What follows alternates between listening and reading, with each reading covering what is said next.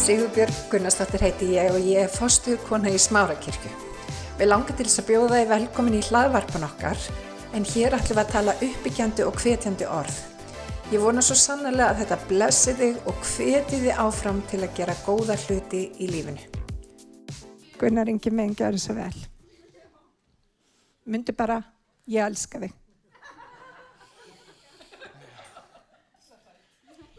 Orð eru ódýr.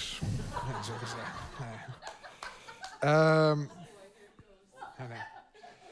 Já, víst að svafa, uh, svafa, Sippa byrjaði, þá kannski hérna, ég var að hugsa til þess þegar ég var yngri og hérna, ég, ég kom svo seint í fjölskylduna að ég var svona eins og ómóta leir og, og það var eitt lið sem var Sippa og Jóhanna að reyna að móta mig á einn hátt og svo var Guðni og Hinbóin að reyna, er í rauninni bara stunda pyntingar á mér einhvern veginn. Og, en ein mótunin var svo hvaða fókbaltalið ég myndi halda með og hann að hvort það væri FH eins og þessir vitlýsingar eða, eða haukar eins og bróðum minn. Og eina af fyrstu minningunum mínum var þegar bróðum minn saði Gunnar, viltu virkilega læra handbolta hjá félagi sem heitir Fimmleikafélag Hafnafjallar? og mér fannst það ekki cool. mér langaði ekki að vera í Fimmleikafélagi Hafnafjallar og eina af fyrstu minningunum mínum er Sippa og Jóhanna að bóksalega draga mig á löpunum niður stegan í Römbrún og ég er að halda í stegan eins og þetta sé einhver hryllingsmynd. Og hann að, já. En ég var að hugsa um þú veist, fyrstu minningar mínar út af því að í rauninni eh, ég er búin að pæla rosalega í þessu hvernig horfið þú á trúna, hvernig horfið þú á Guð? Um, á einn bóin þá ertu með fólk eins og einhverju hefur sagt að trúabröð eru þegar þú hugsar að þú lendir í vandræðum og hugsar menn, ég þarf að fjöla þetta frá pappa og á hinn bóin þá ertu með fagnarindi Jésu Krist sem er þegar þú lendir í vandræðum og þú hugsar ég þarf að ringi pappa og þannig að munurinn þannig á út af því að eins og svo, og fyndi að, vá, svafa, Sippa sem að var að nefna að ég ætti svo ótrúlega æðislegt uppeldi og fekk bara alltaf pítsu. Og ég aðræði grunlega við bara við hann að sigusíki eða eitthvað. En hann að en eitt af því sem að gerðist er að þegar ég var í fyrsta bekk þá fannst mér góð hugmynd að stopna félag sem heit Brennuvargafélagið. Og við varum nokkur strákar í félaginu og, og félagið hafði þann tilgang að kveika í alls konar hlutum og ég held að Toy Story hefði verið komin út og ég misti algjörlega punktunum á bakvið Toy Story og mér langaði að vera svo vondi krakkin sem alltaf að sprengja eitthvað og, og hana, þannig að ég var að byrja að kveika í hlutum og við hittumst þannig í hafnafyrnum í einhverjum hellum og varum bara að kveika í drasli. Og einu sinni þá var ég í lópapeysu og hann að fatt að ekki, ég var búin að kveika eld fyrir aftan okkur og, hérna, og svo kveiknaði í lópapeysunni og ég byrjaði alltaf inn að finna hitta og, og hálf lópapeysan var bara komin í loga þegar ég loksins fattaði að það var kveikt í mér og tók þetta af, var hann að 6-7 ára eitthvað hlutis fór heim, vissi ekkert hvað þetta gera bara hvað ég segja mamma og pappa og einmitt bara fór hann í bílskur og það var eitthvað skíðatunna hana sem við notum aldrei. Það var bara eitthvað skíði svona til sínis eitthvað. Og hann að ég hendi lópapeysunni þar inni og bara fjúk, nú þurfum við aldrei að vita. Og það var eitthvað spurningar svona varst að borða eitthvað reykt eða eitthvað svona?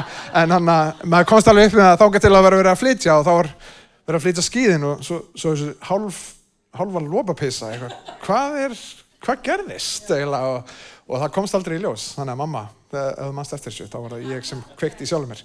En hann að En þannig er, þú veist, hvernig tengjum við við Guð, er það, ok, þegar ég lendi í vandræðum, hleyp ég til hans, eða ég veit ekki af hverju ég hafði þetta, það er bara, ég má alls ekki segja mamma og pappa frá þessu. En hann að, og þegar við erum að tala um vakningu, veist, ég hef búin að byggja fyrir þessa samkomi og var að pæla, ok, hvað áttu, hvað er að segja? Og spyrjaði okkur í predikunni í Hebrabröðinu, í 11. kabla, og svo er ég búin að pæla Nehemia og búin að fara út um alla bibluna að reyna að pæla ykkur predikun sem ég ætti að segja og svona, Guð, ok, segð mér bara hvað ég að segja.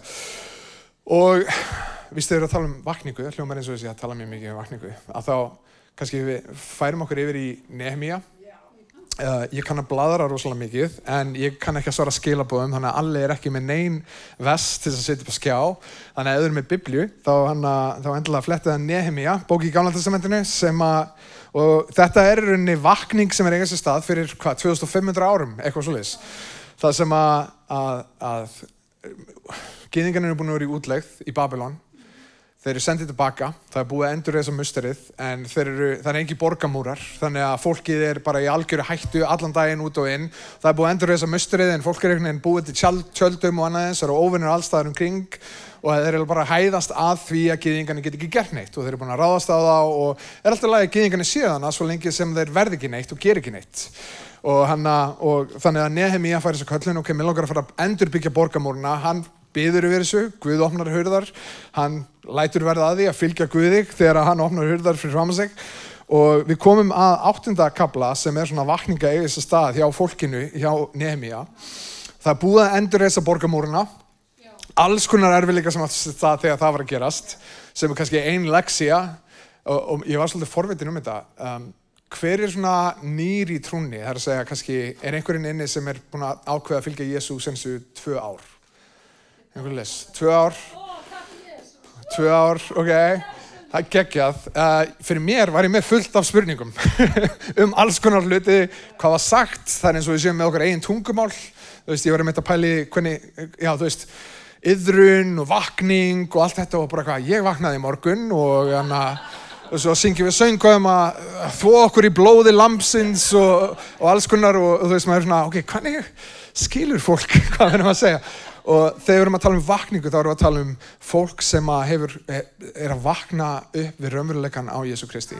Og þetta hefur gæst í gennum mannkynsöguna það sem að ótrúlega margir í einu hafa bara svona vaknað upp við hei, ég það tilgang ég þarf að hlaupa til Krist hann er svarið við mínu liði. Það er einn núna bíómynd í bandaríkanum sem heitir Jesus Revolution sem er í bíó, bíóum þar, kom ekki hinga en hann vonandi kemur hún út á DVD fyrir ykkur gamla fólki eða eitthvað, nei, svo, eða Netflix eða hvað sem er. En, en þannig var ég meitt svipað eitthvað 1970 þá, þá voru fullt af hippum og þetta byrjaði alltaf eitthvað peace og love eitthvað, don't make war, make love og, og allt var svona, reykjum bara græs og þetta er allt awesome og, og hann að byrjaði þannig og, og svo eftir tvö ár þá var þessu sami hippar sem voru bara peace and love, reykjandi græs allt í hennu að deyja út á gödunum með nálar í höndunum á sér og allt í hennu fólk að vakna upp fyrir því og ok, þetta er ekkit langvarandi svar í þessu, það er engin, það er engin lausn. Og, og það, sem að, það sem ég held að sé að gerast þegar að vakningar koma yfir mannkynnið og ákveðina staði er að fólk er að vakna upp fyrir því að það er ekkert annað sem svarar löngun hjarta okkar eins og Jésu Kristur.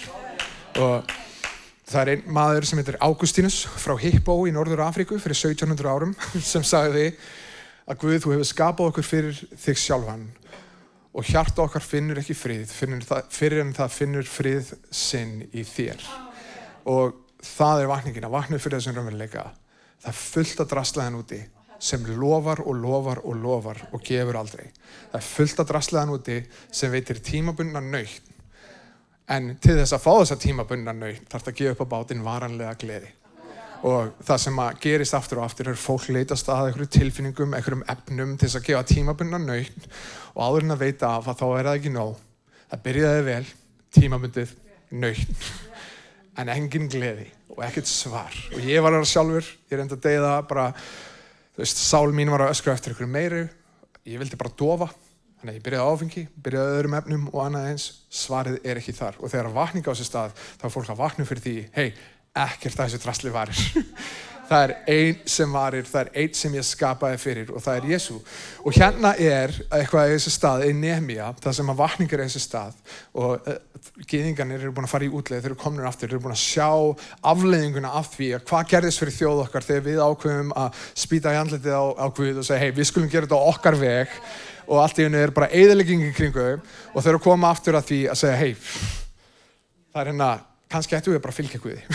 Ef þetta er niðurstaðan þegar ég reyna að vera minn einn Guð, þá ætti ég kannski bara að gefa mig undir vald Guðs og segja Guð, hvað vilt þú gera? Og eitt sem er að gerast hér í áttundakabla er að þeir eru eins og að upplifa rítningarnar aftur. Ég man að ég talaði við einn bróður sem var prestur út í, í hanna, sem presbyterian prestur út í hanna, hvað er Wales á íslensku? Vales? Nei, hanna, uh, þú veist, einhver eiga hana í Breitlands já, eitthvað og þar var vakning fyrir hundra árum eða eitthvað svolítið og ég spurði, hei, hvernig, hvernig er að vera í Wales? Þú veist, veist, þegar vakningin átt sér stað, þá er bara 99% af fólkinu sem var búin að játa, veist, þau þurfti að endur þjálfa dýrin í, í hana sem voru að vinna á ögrunum og annað eins og þegar bondanir voru svo vanir að blóta alltaf á dýrin að þau hætti að fylgja skipunum og þegar allir bondanir voru hættir að blóta. Þannig að það var bara svona menningar umturnun í Wales og ég spurði, hei, hvernig er það að vera þar? Veist, er, er ekki bara allt fullt af kirkjum og allt? Það sagði, nei. Eitt sem gerðist er að það byrjaði með bæn. Það var bæn og svo er fólk ekki grundvallað í orðinu þannig að allir fóru bara svona svolítið að fylgja sínum tilfinningum og það sem var eftir var bara mjög veikburða kirkja. Og þannig hann er bara hvað, það er mjög lítil áþreifanlegt af því að það var vakning fyrir hundra árum í mínu landi. Veist, allt í henni fór fólk bara að gera sér degið. Og hér finnst mér ekki að setja Guði í einhvern kassa en þetta lítur út eins og uppskrift af vakningu í nefnum ég átta og mér lókar ekki að byrja á að lesa bara fyrstu sex vessin er ég til að standa á meðan við lesum orguðis og ég skal útskýra af hverju. Ja, reyndar, Biblan getur útskýrt af hverju hér. Hér segir allt fólkið samnaði saman eins og einn maður á torginu fyrir framann vassliðið Fólk bað Esra fræðumann að koma með bókina sem lögmálið Mósi var skráð á og drottin hafði sett Ísrael. Þannig er fyrstu fimm Mósebækunur. Fyrsta dag sjönda mánaðurins kom Esra prestur með lögmálið fyrir framann alla söfnuðin, karla og konur og alla þá sem skilning hafði til að hlusta.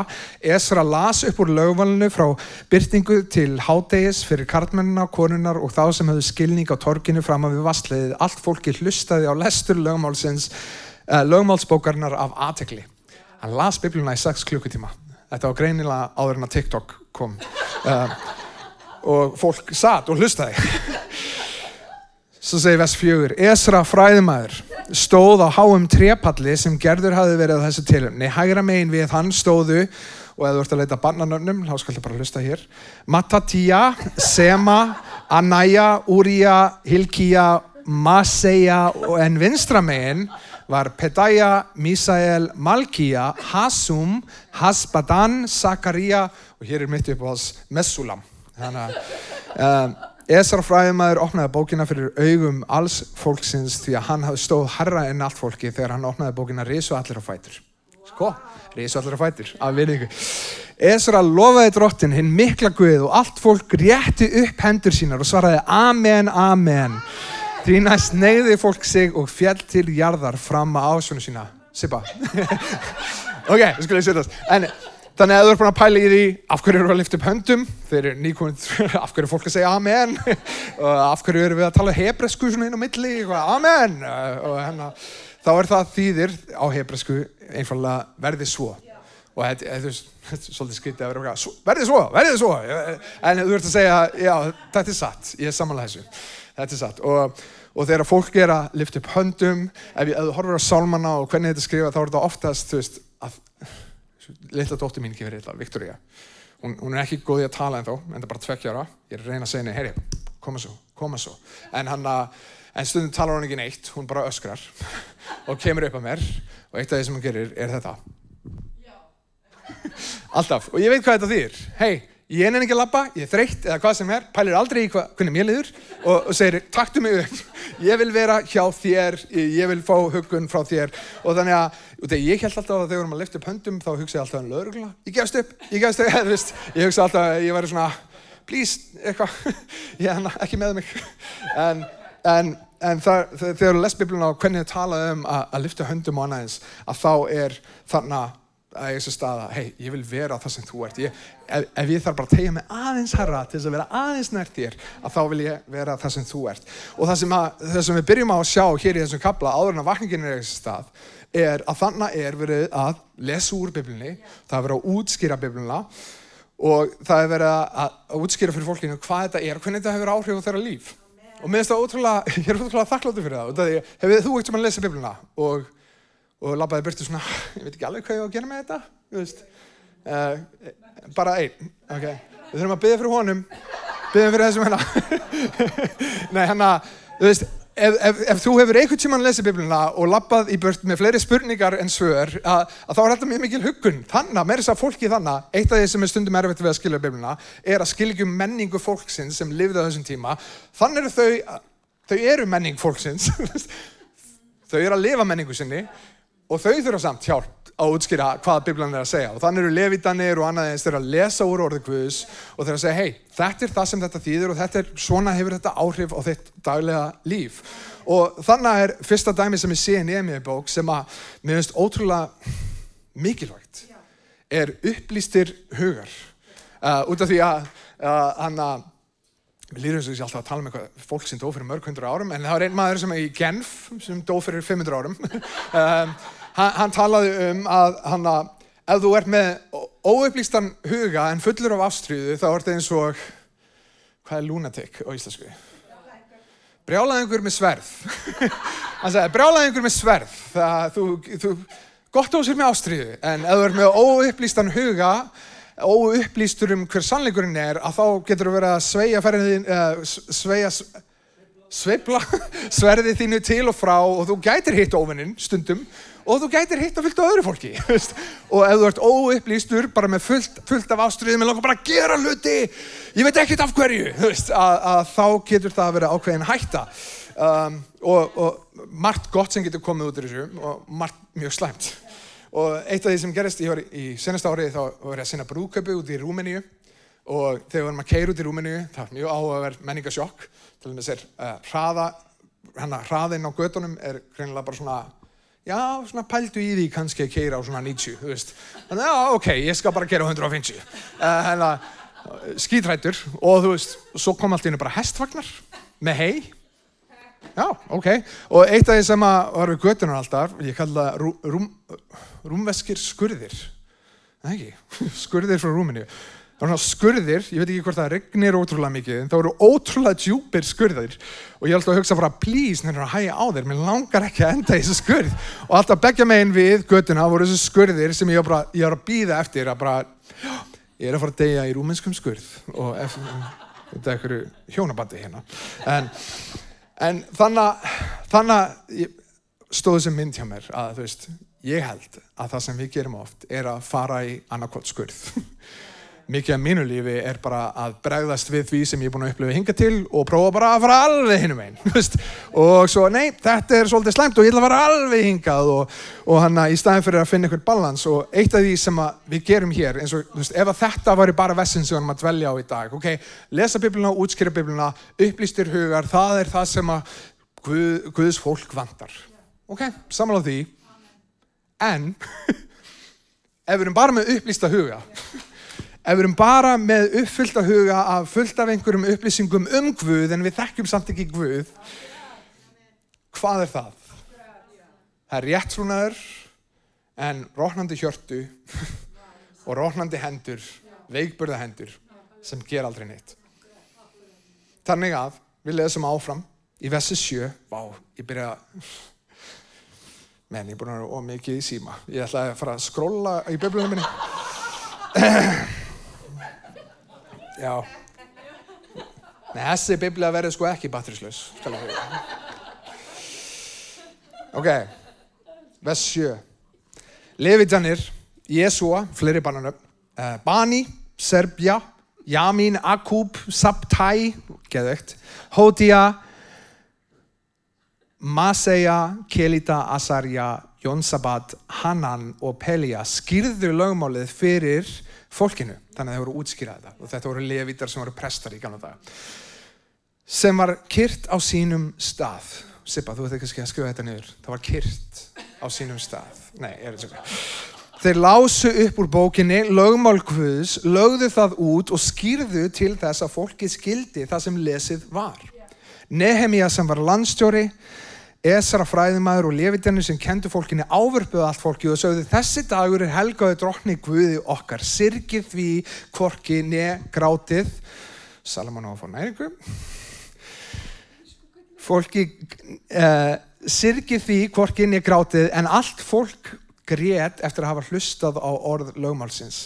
Og þá sagði Esra við fólkið farin nú snæðið ríkulega máltið, drekkið sæt vín, sendið þeim mat sem ekki hafa matbúið því að þessi dagur er helgaður drotni okkar, verið því ekki hryggir því að gleði drottins er styrkur ykkar. Levitjanir sefuðu fólkið með því að segja hafið hægt um ykkur því að þessi dagur er heilagur, verið því ekki hryggir. Það fór allt fólkið til að eta og drekka og senda matarskamta. Það hjælt mikla gleði hátíð af því að það hafði skilið bóðskapin. Skildi bóðskapin. En eitt sem við sjáum í þessu kabla er ekki, það er ekki bara upplýstir hugar, það eru umturnu hjörti. Það eru, þau eru að lofa Guð með því að lifta upp höndum, þau eru að bregðast við orðu Guð með því að trubla predikun með því að segja amen og annað eins. Þau eru að, þau eru að uh, lesa upp úr bókinni og þau eru að tárast yfir því hvað er búið að gerast. Líklegast út af því þannig eru þau í Jérúsalem, þau horfi kringu sig, þau eru nýbúin að byggja múrana en þau horfa samt í kringu sig og það er enginn búin að byggja upp hús. Það er eitt musteri, að risa vekkur sem vendar borg sem eru rústir. Og þau hugsa, þetta er það sem ég, þetta er það sem við höfum gert. Og þau eru að lesa lögumálið, það sem Guður er að segja, hei, ég lofa ykkur því, ef þið verðið minn líður, þá munir þessar blessanir verða. Ef þið farið á móti mér, þá mun ég taka mína hönda af ykkur og það munir bölvanir koma. Og þau eru að horfa í kringu sig og segja, "Viss- þetta er okkur, þetta var okkar val að ganga í burti frá honum.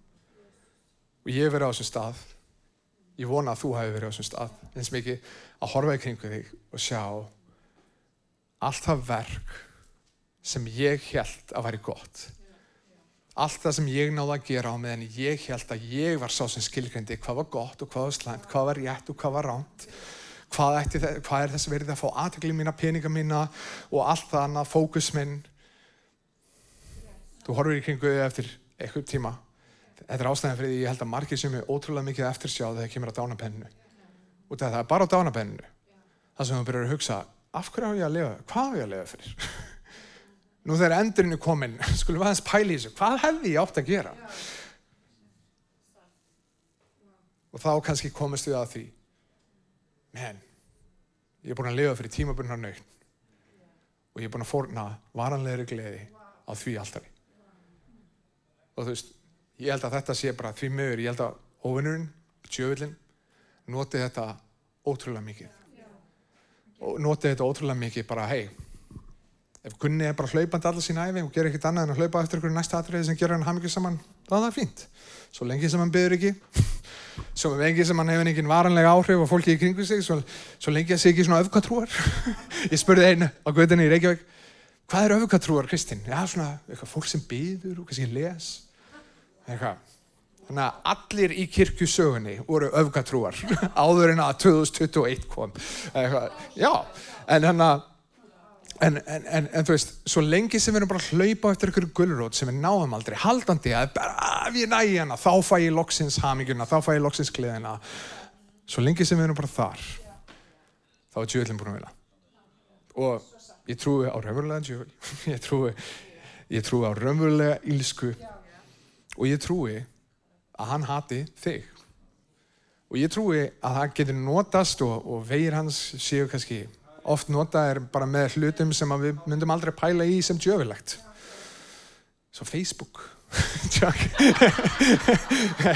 Nei, þú veist, svona ántjóks. Ef þú getur bara þjálfað hennar þumalputta, já, pælta þess kunni, já, halda áfram að þjálfa þumalputtan og ekki vera að gera neitt hérna fyrir utan. Um, þú veist, en þannig er önnu, þannig eru umturnu hjörtu sem eru ekki bara að, að fá upplýsingar og upplýsta huga, heldur umturnu hjörtu. Og, og þannig er rauninni þessi rúmenski skurður nummer tvö. Þú veist þannig að á einn bói einn þá ertu með skurðin hérna meginn sem er að hafa upplýsta huga sem gerir aldrei neitt, segir aldrei neitt, bregst aldrei við, finnur aldrei neitt og hinn bóin, ef þú ert með óupplýsta ástriðu sem er ekki byggt á sannleik en þú bara gerir eitthvað. Þannig að ef þú takir bara þennan hlut út Paldir ekki í því hvað voru verið að segja þeim eða kenna þeim, heldur bara að þau voru að bregðast við ykkur og hugsa bara, ok, það sem ég þarf að gera er bara að gera hlutur, hlut, hlutum. Að þá gæti svo ótrúlega mikið orðið slæmt út af því að okkar markmið er ekki að vera einhver meistari í guðfræði. Eða meistari í því að fræðast um biblina. Ef að markmið þitt er að ná okkur meistaranámi í þessari bók, en þú leifir aldrei guð sem er kendur í þessari bók að vera mistari yfir þér þá ertu algjörlega búin að missa punktinu en á hinbóin að þú ert bara að gera og gera og gera á þess að vita af hverju þá getur þau ótrúlega oft endað í villitrú. Ég ætla að tilbyða Guð, hver er Guð? hef ekki hugmynd en ég ætla að tilbyða hann. Og allt í hennu, þú veist, eftir tíu ár þá áttur þau bara á því að þinn Guð er basically bara að sammála mér í öllu. Já ég þarf aldrei að breyta neinu. Kall, kalla mig aldrei í neitt sem er óþægilegt og hann er bara að sammála mér í öllu basically, Guð, auðvitað, of course. Af hverju ekki? En þriðji og mér langar kannski að dvelja kannski hvað mest á þessu ég veit ekki alveg hvað ég að tala lengi hvað er með tímyndur ja. þriðja er svo hérna sem er, ok, við erum búin að tala um upplýsta huga, umturnu hjörtu og svo kemur að undirbúnum höndum og við sjáum að þeir bregðist við því sem þeim hefur verið kent á öðrum degi söfnuðust ættarhauðingjar allar þjóðunar, prestarnir og lifidýrnir saman hjá Esra fræðimannum til þess að kynnast fyrirmælum lögmálsins. Þá komist þeir að því að það var skráði lögmálunni sem drottin hafi búið þeim fyrir munn Mósi að Ísraelsmenn ætti að búa í löfskálum á hátíðinni í sjönda mánuðinum. Þegar þeir heyrðu þetta litið þeir kunngjöra á og kalla út á öllum borgum sínum í Jérúsalem. Fariðu upp í fjallendið og sækir greinar af ræktum og viltum, óljuviði, myrtu, pálmum og öðrum laufum trjám til að gera löfskála eins og skráð er. Fólki fór, sátti trjágreinar og gerði sér löfskála hver á sínu hústakki og í, í hústakonu sínum í forgörðum húsgvöðus á torginu við Vastlið og á torginu við Efraimslið. Allur söpnuðurinn, þeir sem snúðu höfðu þeim til útleðarnar, gerði löfskála og bjó í þeim. Ísraelsmenn höfðu ekki gert þetta frá því að dögum Jósúa Núnssonar allt til þessa dags mikil gleðiríkti og Esra las daglega upp úr lögmálsbókuðus frá fyrsta degi til en síðasta hátíðin stóð í sjö daga og áttunda degi var hátíð samkoma eins og fyrirskipað var. Þannig að minnst að áhugaverð þannig eru þeir, ok, þeir eru upplýstur hugar um törnum hjörtu og núna er það undirbúna hendur til þess að gera það sem fólk, eða sem Guð segir þeim að gera. Og og þetta er það sem við kollum yðrun.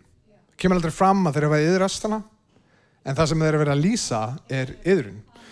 Og, og hvað er yðrun í, í rauninni? Og fyrsta lagi, minnst það ótrúlega áhugavert í Gamla testamentunum, þannig að þeir eru að lesa þannig greinilega og koma að þriðjum Mósebók 23 og segja, hei, Guð er að segja okkur að við hefum að hafa áttadaga partí. Þú veist, minnst það ótrúlega áhugavert. Það er svona Guð með svona dagsenningar, það sem þú vata, þið eigið að skemmt ykkur hér og hafa frívinnunni í áttadaga og, og, og, veist, og þannig að partíi heiði lögskólaháttíð, við hefum greinilega ekki búa heima hjá okkur, við hefum að fara og búa til tímabundin hús til þess að búa í og þetta er á uppskeru tíma. Og ástæðinu baka þessari háttíða var að fólk Guðs myndi minnast þess að þegar þau komandur í Egiptalandi út úr þrælahaldinu að þá sá Guð fyrir fólki Guðs með því að gefa þeim mat í eðimörkinni og þau voru í svona tímabundnum húsnum, húsum sem voru lögskálar og þau átti, minnst það, geðveikt að, að þau skulle gera þetta. Og þannig var ekki bara maður að segja, hei Guð gerir þetta Puntur, bless. Nei, heldur voru þau svona svolítið að upplifa það sem forfeyður er að gengu í gennum sem var að búa í tímabunum skálum og vita bara, ok, vá, við erum algjörlega opinn fyrir árasum og algjörlega við, við þurfum að treysta fullkomlega á að Guð myndi sjá fyrir, gefa okkur vend og annað þess. Og þetta var uppskriðháttíð. Og þannig að eitt af því sem gerðist í Eidimörkunni í 40 ár þar sem Ísraelsmann voru að ganga, það var lítið um mat. Ég veit ekki hvort þú lendi í Eidimörkun, það er alveg ekki mikið um mat. En, og það byrjaði bókstallega að rigna mat frá himni sem hétt manna og við veitum hvað manna þýðir? Hvað er það? þannig að það er bara hvað það er matur. Við ætlum að skýra þetta. Hvað er það? Út af því að við veitum ekki hvað þetta er. Og við ætlum bara geta þetta. Og hér eru við 40 árum senna og þetta virkar. Og þannig að þetta var hvað er það mataræði uh, sem er svo frekt í takk uh, En nei, þannig, þannig voru þau bara basically að muna eftir hvernig Guð sá fyrir þeim og þetta eru uppskýraháttíðinni þannig að þeir eru líka muna eftir að hei, landið sem Guð hafa búin að lofa okkur sem er þetta land sem við búum í núna er núna að gefa uppskýru þannig að Guð er enþá að sjá fyrir okkur. Og það sem að, það sem að mér langar svo að dvelja á bara til þess að enda þetta er, þú veist, hvað er yðrun? Og þetta er nú eftir, yðrun er eitt svona kristnest orð sem við segjum sem að enginn notar í daglegu tungumáli en ef þú fyrir smárakirkju þá heyrður um yðrun og hann að þú veist já Jésús er drottin hvernig notaði þú drottin í daglegu samtali? Einhver, einhver sem notaði drottin í sekningu í þessari hugu nei, ekki, nei. Hvað þýðir það? Um, en hann að yðrun er eitt af þessum kristnesku orðum sem við notum svo oft. Og þú veist þannig er í rauninni hugmyndin svo að þetta er, þetta er ekki bara eftirsjá þetta er stefnubreiting er, ég er að skipta um skoðun. Ok, ég er, og, og ef þú vilt pæla í, ok, hvernig sjáum við yðrun í Biblíunni versus eftirsjá? Pæla í Jésu Kristi. Ok, jável, þú ert ekki búin að lesa Biblíuna, þú ert kannski búin að sjá myndina, Passion of the Christ. Þú manst að það voru tveir gaurar hana, eh, margir sem sviku Jésu á þessum tíma. Einn var Jútas, svolítið þekktur, þess vegna heitir enginn Júdas í dag. og, hana, og svo hinn var Pétur, það er margir sem heitir Pétur í dag, en Pétur sveik líka Jésu, eða, munið ekki þann hluta. Svona svolítið dítel sem við kannski kvíslum bara um. Nei, hana. En, hana, en munurinn á Júdas á einn bóinn og Pétur, hver er, hver er munurinn? Júdas er definitely með eftirsjá. Seldi og hafnaði. En, þú veist, Pétur var líka að hugsa um sjálfan sig út af því að, hvað, hann segir við Jésu rétt áður en að drepa hann Ég verð inn á hjá þér Ef þau drepa þig, þá drepa þið mig Þau þurfa að koma í gennum mig Þau þurfa að koma að ná þér og eitthvað svona Geðu eitt töff gæ, svona chihuahua Já, mjög, mikið að að brúka kjáft, eins og maður segir Og hann að, og þegar hermenni koma Jú, hann nær hann að höggva eitt eira eða eitthvað lis En svo kjast hann upp. Reyndur út og ég segir hann ekki það. En þegar það verið að, að setja Guð í þrælahald, já, nei, já, sorry. Já, Júdas gaf tjöflunum plási í hjarta sínu. Það, það tekið fram í reyningunum. En líka, eitt, þannig að þegar verið að, að, að gefa Jésu dóm og þannig að vakna upp alls konar spurningar og vennilegt fólk er að spyrja, hei, er þú ekki eina af þessu skrýna fólki sem var að fylgjórum allt? Er þú ekki eina af þessum lærisunum? Sinnum afneiðurinn. Neip, ekki ég. Neip, ekki ég, neip, ekki ég.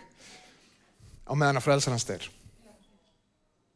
Munurinn á Júdasi, sem var með eftirsjá, svo mikla hann draf sig, og Pétur, er að þegar upprýðsan á sér stað, þá er Pétur ennþá til staðar.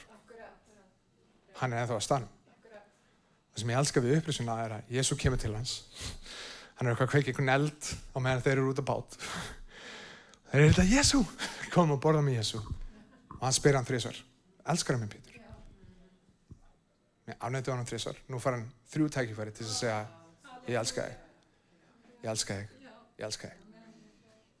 Og það sem Jésu segir alltaf og það er alveg endalist þetta pæli þeim það er á grísku, Nýja testamentið er skrifað á grísku á Jésu að nota eitt orð fyrir ást. Elskar hann mig? Agape er mig? elskar hann með skilásmyndi Pétur segir ég fileio að þig sem er ég elska þig eins og vinur en það sem Jésús segir og bregst við segir ef þú elskar mig sjá þeim sögðu mína. Gefðu þeim að borða. Fættu sögðu mína. Þannig að það er ekki bara eftirsjá. Heldur er stefnubreiting ef þú elskar mig sjáðu um sögðu mína. Og það sem maður minnst ótrúlega magna líka að pæli, bara hversu góðu Guð er. Þegar ég með gjörðum mínum og orðum hef ótrúlega oft sagt Guð, mér langar ekkert með það að gera. Þú veist, ég var brjálæður út í Guð á tímubili, sem Guð sem skuldaði mér ekki neitt. Guð sem bókstallega gaf mér hjartasláttin sem ég þurfti, andadráttin sem ég hafði, til þess að bálvonum. Hann hefði segið, ég er bara býðina ég kem til þín, ég næði þér ah, svo vinnur Guð alltaf á endanum alltaf sluðis en það sem ég elska við þetta er að Jésu hefði getað komið svo öðvöldlega og réttláttlega. Og sá bara hvað skona pleppar eru þið? Hýfið upp einhverjum buksunar drullið ykkur á stað breytið líf ykkar hættið þessu kæftæði drullið ykkur út. Komið. Og ekki koma til mín aftur fyrir þeir eru búin að laga hérna þessa sjölluti og þegar þú kemur aftur og heldur þú að sér búið með sjölluti þá er ég með svona 37 í viðbútt það hefði, Jésu er Guð fullkominn Guð. Að leiði um pleppa eins og mér að tala um orðsitt að segja við okkur hei, ég ætla að nóða þig. Ég meina, hugsa það eins um bara lífsögu þína. Ykkar til. Ég ætla að nóða þig sem munn minn til að tala orð mitt.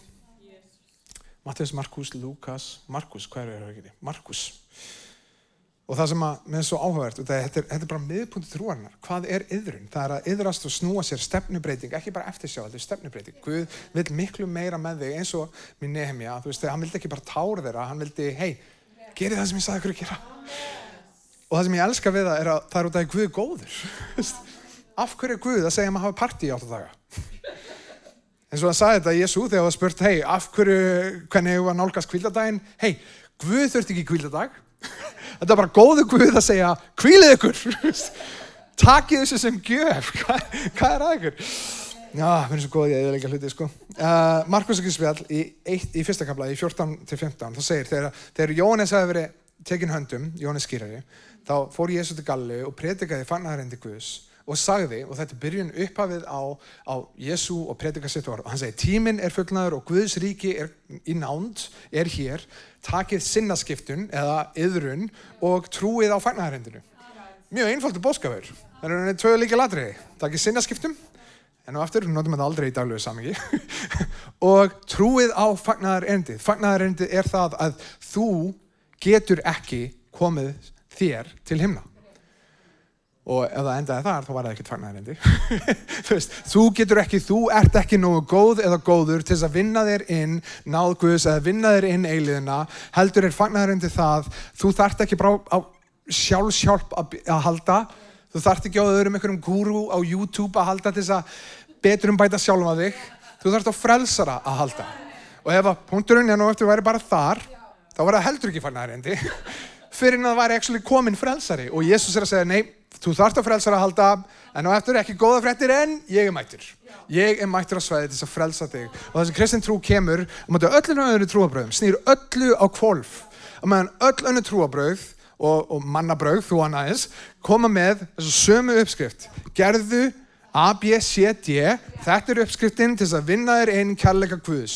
Svona kemstu inn í paradís, himnaríkist, nirvanas hvað sem þú vilt kalla svona verður upplýstur þú verður að gera þessar hluti, þú verður að gefa þennan penning, nei, svo kemur hann allt í henn og segir nei, þú ert það mikill plebbi að þú getur ekki unnið þér í neitt þú getur ekki gert neitt, þú ert dauður í afbrótið þínum á syndgum og þú þart á meira en sjálf hjálpabjarg að halda, þú þart á frelsara að halda og hér kemur frelsarinn og pælið þessu, þetta er öfugt við allar aðrar sögur sem þú þekkir. Hvað er það sem konungar gera? Þeir senda aðra til þess að deyja fyrir sig. Og hér kemur konungur dýrðarinnar og segir, nei, ég er komin til þess að deyja fyrir mitt fólk. Þetta er allt öðru sér saga en öll önnu trúabröð kennaðir. Og ef það er einhvað annað að reyna að ljúa þér að hei, menn, ef þú bara gerir nóg, þá finnur þú fyrir paradís og nirvana og verður upplýstur og bla bla bla. Kemur alltaf inn í Jésús að segja, kjáfta þig.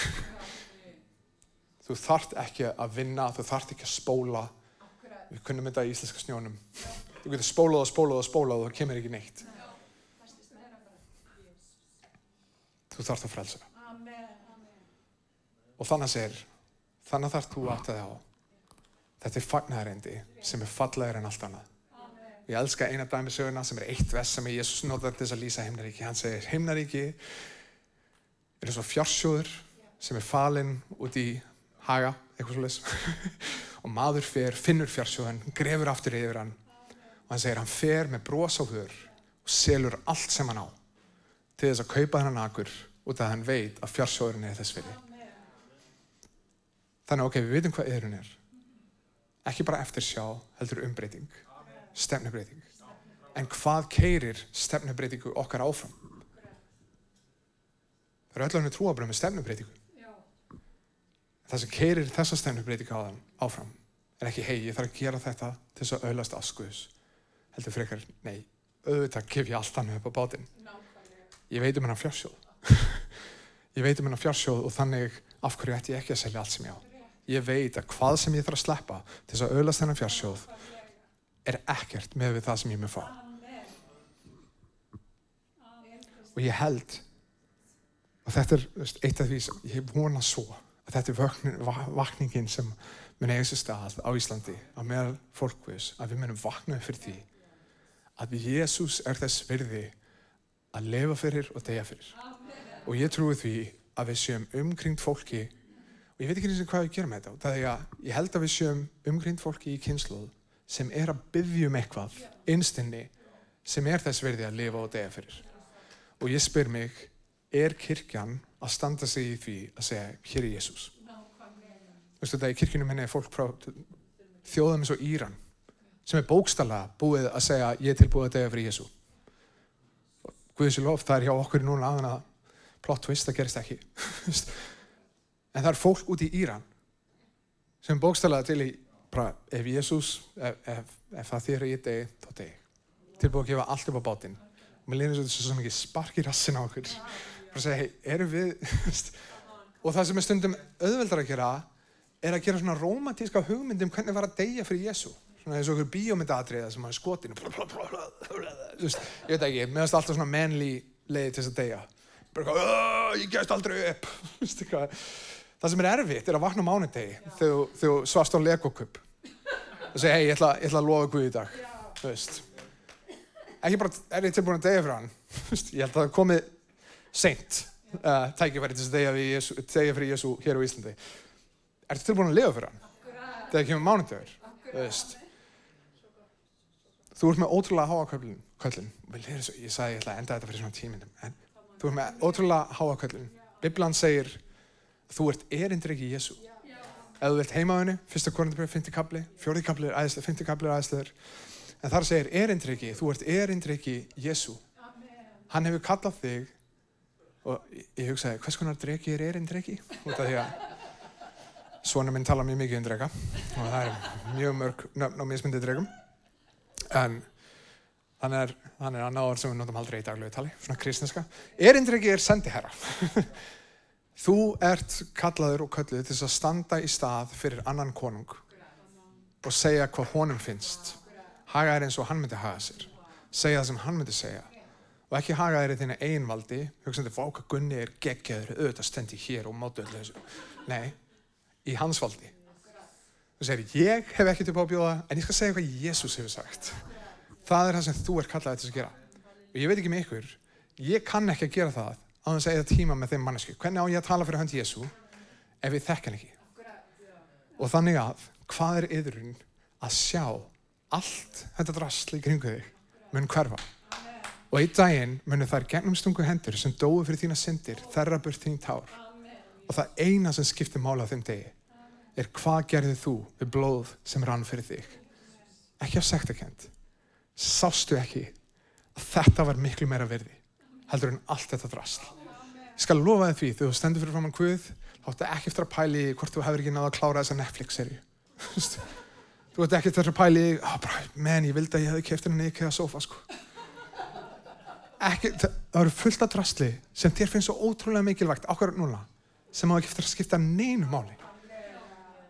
Hvað er yðrun að pæla í, ok, ef ég á að sína hver Kristur er, við gerum kristna trú svo ótrúlega flókna. Veist, maður bókstæðlega þarf að spyrja sig, ég var að horfa okkur þátt og ég er svona, það er ekki alveg viss, mér leiður svolítið skringilega með þessa- þætti. Mér finnst- mér finnst það sé bara nekt í öllum þáttum nú til dags, ég skil ekki af hverju. Það er bara svona, það þurfti engin nekt að vera í þessu þáttum. Mér finnst svona, myndi Jésu horfa þessu þætti? Ég Nei, örgulega ekki. Slökum á þessu. Það er það sem að, þú er kallað að gera. Bara, hei, þú ert erindreki í Jésu, þú ætti að vera að senda herra hans, þú ætti að haga eins og hann haga sér, tala fyrir hann, og til þess að gera það, þá þarf það að eða tíma í orðinu, þú þarf það að eða tíma með honum í bæn. Þú veist, þú þarf að vera svona Brangelina, nema bara þú og Jésu. Þið verðið að vera eitt, eins og við erum guava, það er einhvers sem sagði það eftir samkominni í okkur í dag, að ég er guava, ég og Svafa erum guava. Þannig að, að eð, þú veist, þú tekur eftir því þegar þú giftir einhverjum, þið byrjaði að líta út eins og hinn einstaklingurum, þú byrjar að Svafa er komið með aulahúmor, það tók, þú veist, 11 ár, en hennar er að vera aulalegri og aulalegri með hverju ári. Þú veist, til þess að endur spekla Jésu þá þurfum við að eyða tíma með honum og til þess að eyða tíma með honum þá þurfum við að breytum stefnu.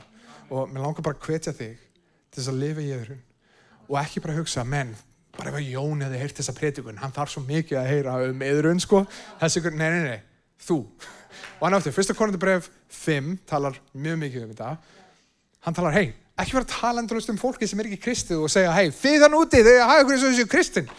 Auðvitað haga þessu eins og, af hverju ætti að haga sér eins og þessu kristin? Þau eru ekki kristin. Hann segir, horfðu á veist, Þú getur ekki hort frá þessu, þú getur ekki hlupið frá þessu fólki eða þú þarf að vera, máttu ekki vera einhvern veginn syndara, þá þarf bara að enda lífið núna. Þú veist, það er fullt af fólki í kringu þig. Það- Nei, nei, nei, horfið innan með ykkur. Það er svo ótrúlega ofta sem við lesum biblíuna og hugsa bara, menn, Jóhanna þarf svo rosalega að yðrast. Jóhanna, veistu, ég er með hérna 13 vers, nei, reynda bara, taktu þessa biblíu og lesta þú veist. Nei, skilji, maður hugsa alltaf um einhvern aðra. Í stæðan fyrir að hugsa, þú veist, er þú að benda eitthvað í mér? Er eitthvað sem ég þarf að breyta? Er eitthvað stefnubreyti sem ég þarf að hafa? Og, og það sem ég vil bara vara við hvað mest, ok, ég ætla bókstæðlega að klára hana. Sérstaklega þessar hluti sem lít út fyrir að vera ekkert hættilegir. Hugsaðu, myndi Guð eða peningunum sínu svona? Myndi Guð eða tíma sínu svona? Orku sínu svona? Myndi Guð skróla svona mikið? Myndi, myndi Guð lifa svona mikið fyrir likes? Eða myndi Guð, þú veist, hvað myndi Jésús Kristi gera ef hann var í mínu spórum okkur núna? Hvað get ég gert? Enn og eftir, ekki af sektakent. Heldur, ég horfi á Golgata, ég sé blóð konungsinn stegja fyrir peð eins og mig. Og ég hugsa, þetta lilla peð ætlar að gefa hvað sem er til þess að gefa honum dýrina. Og það er eðurinn. Það er ekki eftir sjá, það er eðurinn, það er stefnubreiting. Og mér langar bara, ef þú ert hér inni, þú ert, kannski veist ekkert hvað kristin trú er um, þá er þetta mjög basic. Þú trúir á Jésús Kristur hafi dáið fyrir þína syndir. Að hann sé nóg. Að hann hafi afgreitt þína skuld. Þetta er eina fáu skiptunum sem að mér veist íslenska þýðingin vera betri heldur en ennska þýðingin í biblunni. Kólosabrjöf aðurum kabla segið hann, hann tók skuldabrifið sem þjakaði þig með ákvæðum sínum og hann neldi það á krossin. Kannast þið um mótus? Skuldin var mun meiri. Skuldin var, við getum aldrei greitt þetta. Sá sem greiti þessa skuld er Jésús Kristur. Það er engin annar. Sem þýðir að þú getur labbað hér út í dag og þú ert skilgreindur og skilgreind sem ný sköpun í honum. Réttlátt í honum. Ekki út af þér. Ekki út af þú náðu loksins að vinna úr þínum málum. Heldur af að hann er búin að afgreða skuldina. Ok? Númer eitt, ég trú á Jésús sem frelsana minn. Númer tvö, hann er drottin minn. En á eftir hvað er drottin? Hann er drottnari minn hann keipti mig með þessu blóði. Og ég ætla að lifa minni lífi fyrir hann og ekki mig. Ef þú ert búin að taka þessar tvær afstöður þá ert þú kristinn. Og þú ert ekki búin að taka þessar tvær afstöður þá byrð ég að þú gerir það hér. Það er ekkert betra í þessu lífi sem ég hef upp á að bjóða. Það er einn maður dýtíkni æl sem sagði svona við erum betlarar að segja öðrum betlurum hvað er veistlan er að finna. Og ég er búin að finna veistluna í Jésu Þú getur reynd að spóla það áfram og komst, kemst aldrei neitt. Þú getur reynd að lifa áfram fyrir tímabunna nöytn og, og gefið upp á bátinn varanlega gleði. Það er enginn og ekkert betra en Jésús Kristur. Það er enginn sem á meiri skilið stefnubreitingu í þínu lífi eins og hann. Yðrun. Og já, mér nokkru að hvetja þig ef þú ert að taka þessu afstöðu í dag. Þá er ég ótrúlega til að tala við þig og byggja með þér. Skulum beða fær. Ég beð þig um að þú hjálpir okkur að þegar við komum að orðið þínu drottin að við mættum vera með upplýsta huga að við mættum fræðast um hver þú ert og ekki bara vita um þig heldur þekkja þig og ég beði drottin um umturnuð hjörtu þar sem þú snertir við okkur þannig að við bregðumst við því sem þú kennir okkur í orðið þín og ég beði drottin um undurbúnar hendur Þegar við förum út í þessa viku áttandi okkur á því að þessi samkoma er kannski búinn en lofgjörð okkar er rétt hafinn. Og ég beður dróttin um að þú notir lofgjörð okkar þessari viku. Þú hjálpir okkur að elska þig og elska eins og þú.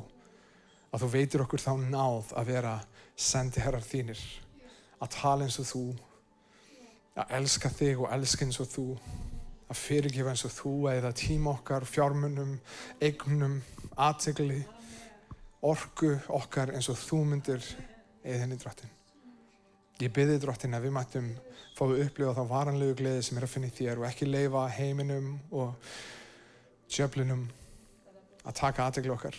Að lifa bara fyrir gullurótuna sem er alltaf handan með hornið. Það hjálpa okkur að finna haminguna í þér, að vera grundföldið í þér. Og ég byrði drottin, nota okkur sem tól í þína hendi þess að gera mikið úr þér. Megið þú fótt dýrinna og heiðurinn í Jésu namni. Amen.